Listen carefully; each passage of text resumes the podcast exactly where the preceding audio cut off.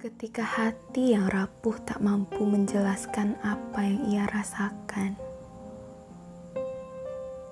hanya air mata yang senantiasa mewakilkan.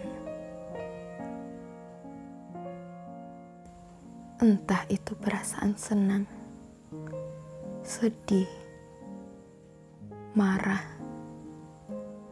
apa pun itu. Tak semua apa yang kita rasakan bisa diungkapkan dengan kata-kata. Tak sedikit air mata yang keluar karena tak bisa mengungkapkannya.